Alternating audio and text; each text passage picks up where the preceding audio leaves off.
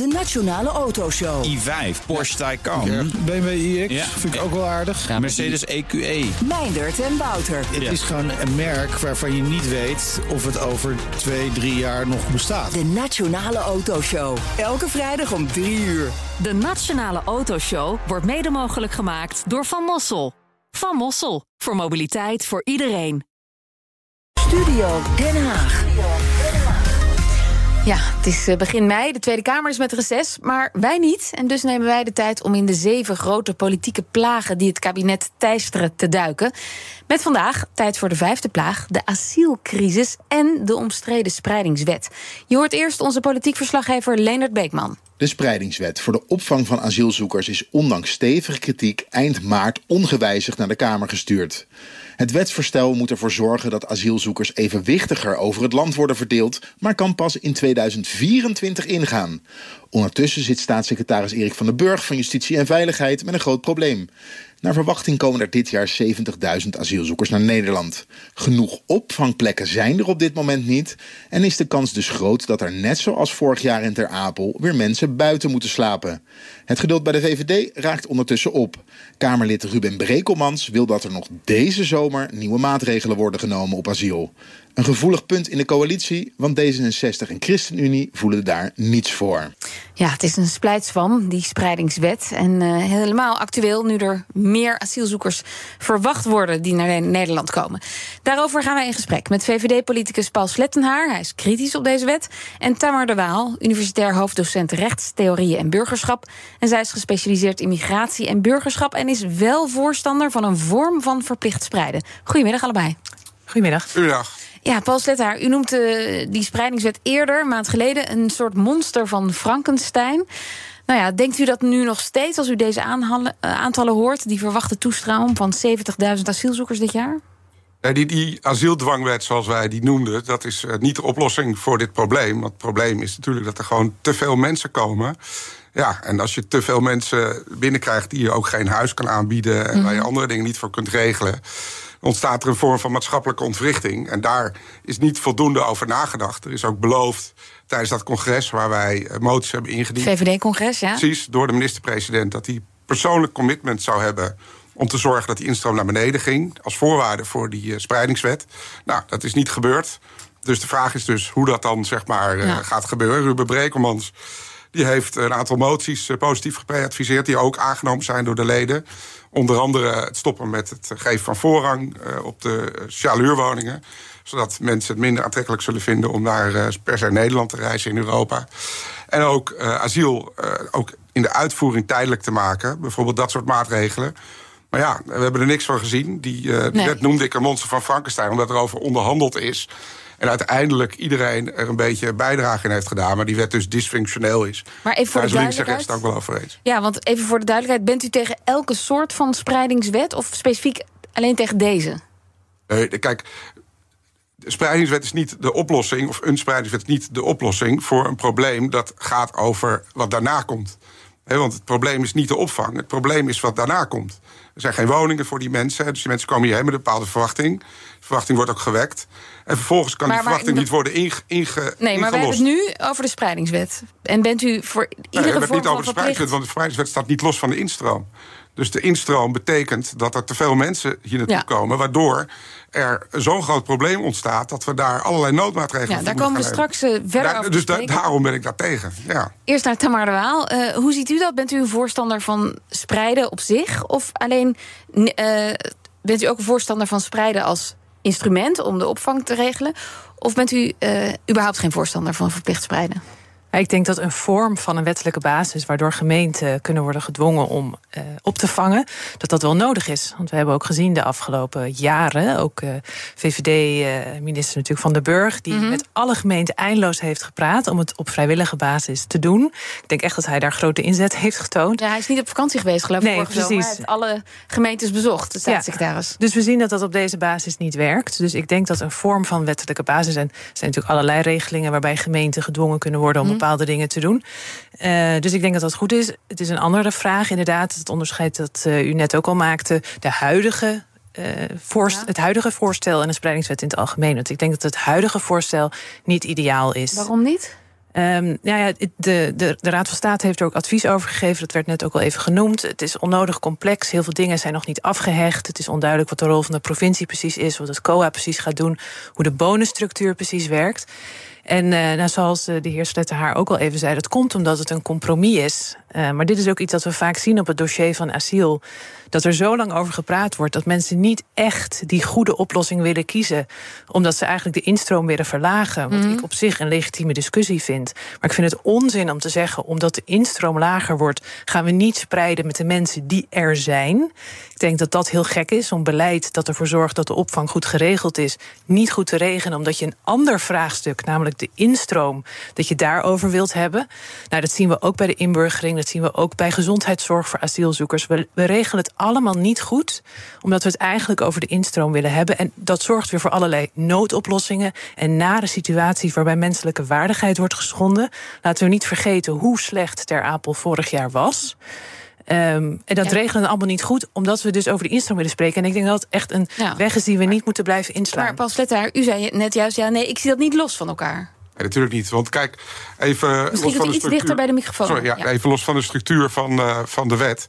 Waar ik het mee eens ben op zich. Maar de provincie hebben ook gezegd: van jongens, we zijn al bezig met in de plaatsstellingen voor statushouders. Wij hebben ook een relatie met gemeentes. Die kunnen we niet zo zwaar belasten. Is het zo dat die wet um, in eerste instantie heeft gezegd. 18 uh, asielzoekers uh, per, per 10.000 inwoners. Nou, door dat aantal gaat het nu naar 25, gaat naar 27, gaat mm -hmm. nog verder omhoog. In sommige gemeenten zijn er ook al bestuurlijke crises over dit onderwerp. Ik geloof in Alkmaar. Ja, en dan ontwricht je ook op een gegeven moment het lokaal bestuur. Op het moment dat je een opdracht geeft die de gemeente echt niet kan uitvoeren of niet aan kan. Dat verschilt ook al nogal per gemeente. Als je kijkt bijvoorbeeld hier, we zijn hier in Amsterdam. Nou, Amsterdam lukt het niet eens om de staatshouders mm. uh, te huisvesten. Ze hoeven niet per se een sociale huurwoning te krijgen, maar gewoon om te huisvesten. Heeft de grootste achterstand van, uh, van heel Nederland zo ongeveer, geloof ik. Ja, dus het is geen luxe probleem. Het is een probleem van niet kunnen. Ja, laten we even ik wil er toch ja? één opmerking over maken. Want ik denk toch dat het een zelfgecreëerd probleem is ten dele. Bijvoorbeeld door alle discussies en ook het dwarsliggen van de partij van onder andere de heer Slettenhaar, hebben we bijvoorbeeld deze zomer nog geen wetgeving op dit terrein. Dus aankomende zomer zal de spreidingswet sowieso nog niet gelden en zal het nog op vrijwillige basis moeten. Maar daarna komt er een. Dit willen we nooit meer. Mensen die buiten moeten slapen, uh, een baby die is overleden in, in tijdens die opvangcrisis. Ja, precies. Dus je zou zeggen, als je de bestuurlijke slagkracht en echt dat morele leiderschap op dit dossier wil, uh, wil tonen, moet je het ook doen. Maar we zien dus dat juist doordat we het niet goed willen regelen, dat er dan allerlei noodsituaties ontstaan. We zien ook weer ter Apel wordt eigenlijk al met zoveel woorden over gezegd dat het deze zomer weer helemaal ja. misgaat. En dan wordt er daarna gezegd: ja, het is een probleem van niet kunnen. Maar dat vind ik geen eerlijk argument. Het is een, ah. eerder een probleem van niet willen en het niet willen regelen, het niet op tijd willen regelen, dan dat we daarna zeggen het is gewoon praktisch onmogelijk. We doen het niet. Dat is niet juist. Kijk, wat ik zie is dat mensen die dit soort argumenten gebruiken... eigenlijk meer voor zichzelf doen. Dus eigenlijk zoiets hebben van... joh, uh, ik wil me goed voelen, ik wil het juiste doen. Maar dat heeft natuurlijk niks mee te maken... dat ik of de VVD niet zou willen... dat mensen op een behoorlijke manier worden geholpen. Tuurlijk kan het niet, want we kunnen niet zoveel mensen een woning geven. We kunnen niet zoveel mensen uh, zorg geven. He, dus je ziet op een gegeven moment dat 85% van de mensen die naar Nederland komen, dat die asiel krijgen. En dat in de rest van Europa ongeveer de helft is. Nou, dat soort dingen moet je gewoon wat aan doen. Ja. Zorg dat het behapbaar blijft. Iedereen erkent dat. Er is geen sprake van. Maar even dat... over die cijfers. Want ja. in Nederland wordt uh, 85% van de asielaanvragen goedgekeurd. Dat is inderdaad hoger dan het Europese gemiddelde. Maar daar hoort dan ook bij dat uh, mensen die in beroep gaan. daar krijg je in het buitenland, althans in uh, de rest van Europa.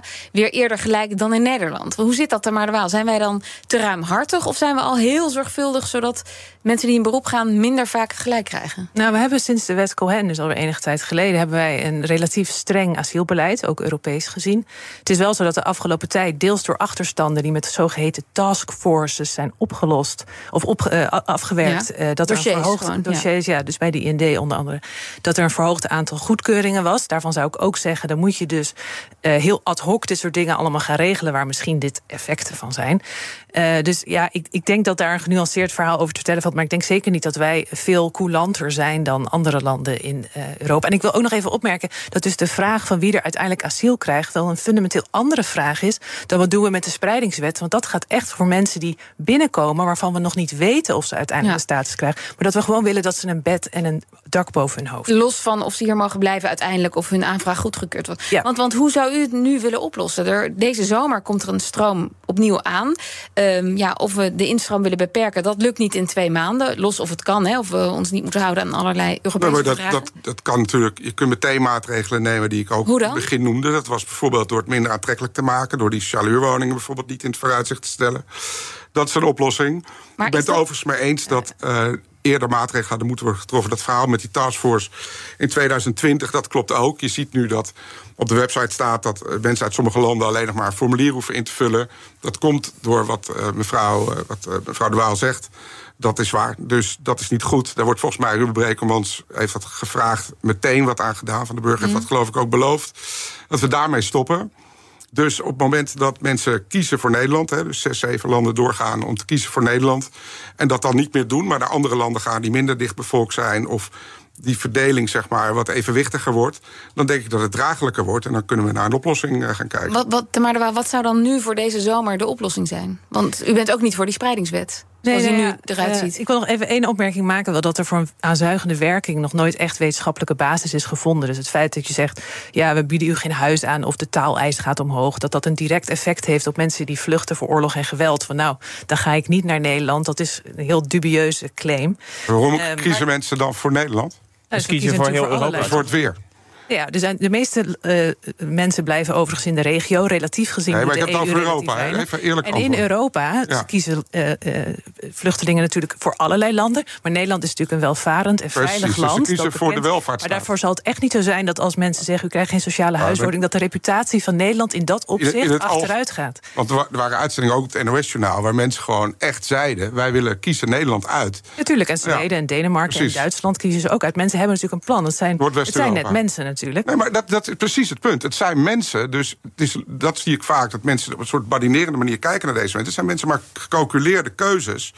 En het is prima dat mensen zeg maar, dat doen. Dat is ook logisch en heel menselijk. Ja. Alleen het punt is natuurlijk wel dat dat ook voor ons haalbaar moet blijven. En als dat niet haalbaar blijft, ja. dan het is, is dat voor iedereen haalbaar. slecht. Het is voor een land als Nederland echt niet nodig dat mensen buiten slapen. Het is Wij echt kunnen niet nodig 80.000 mensen uh, per jaar kunnen dat wij artsen opvangen. zonder Geen grenzen probleem. vorig jaar moest ingrijpen. Ja, maar dat is even nadenken over dat in een land als argument. Nederland.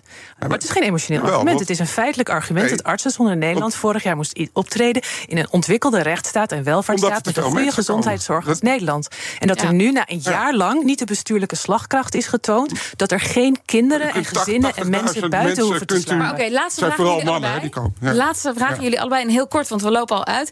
Op de hele korte termijn, stel dat we 1 juli eh, noemen als datum. Wat kan er dan volgens u nu gebeuren om die instroom, want dat is uw belangrijkste punt, in te dammen? Nou, wat kan gebeuren is dat die papieren procedure verdwijnt. Dat asiel onderzocht wordt of dat tijdelijk kan. En of die huisvesting anders Heel kan. goed, Tamar de Waal. Wat, wat zou een asielcrisis kunnen voorkomen zoals we die vorige zomer hebben gezien? Nou, ik denk dat er moreel leiderschap moet worden getoond. Dat gemeenten nu, omdat de wettelijke basis er nog niet is, solidariteit moeten tonen, moeten samenwerken. Dat we zien dat het noorden en het oosten vooral mensen opvangt en dat het westen daarin achterblijft. Dus dat westelijke gemeenten zich ook Ja. geroepen voelen om dit Met op gelijke enige vorm doen. van dwang dus. Nou, dat kan dus deze zomer nog niet. Dat zal daarna dan zijn. In deze zomer zal het moeten aankomen op vrijwilligheid en solidariteit. Dank jullie wel, VVD-politicus Paul Slettenhaar en Tamar de Waal, universitair hoofddocent rechtstheorieën en burgerschap. BNR Headlines. De hele dag binnen- en buitenlandse politiek. In Nederland hebben we geen munitiefabrieken. De hele dag economie. Vijf dagen in de week bezorgen, dat kan niet uit. De hele dag technologie. Amerikanen weer op de maan. Heb je eigenlijk geen tijd, maar wil je toch op de hoogte blijven? BNR Headlines. Het laatste nieuws, maar dan in het kort. Ga naar je podcast-app en abonneer je op BNR Headlines.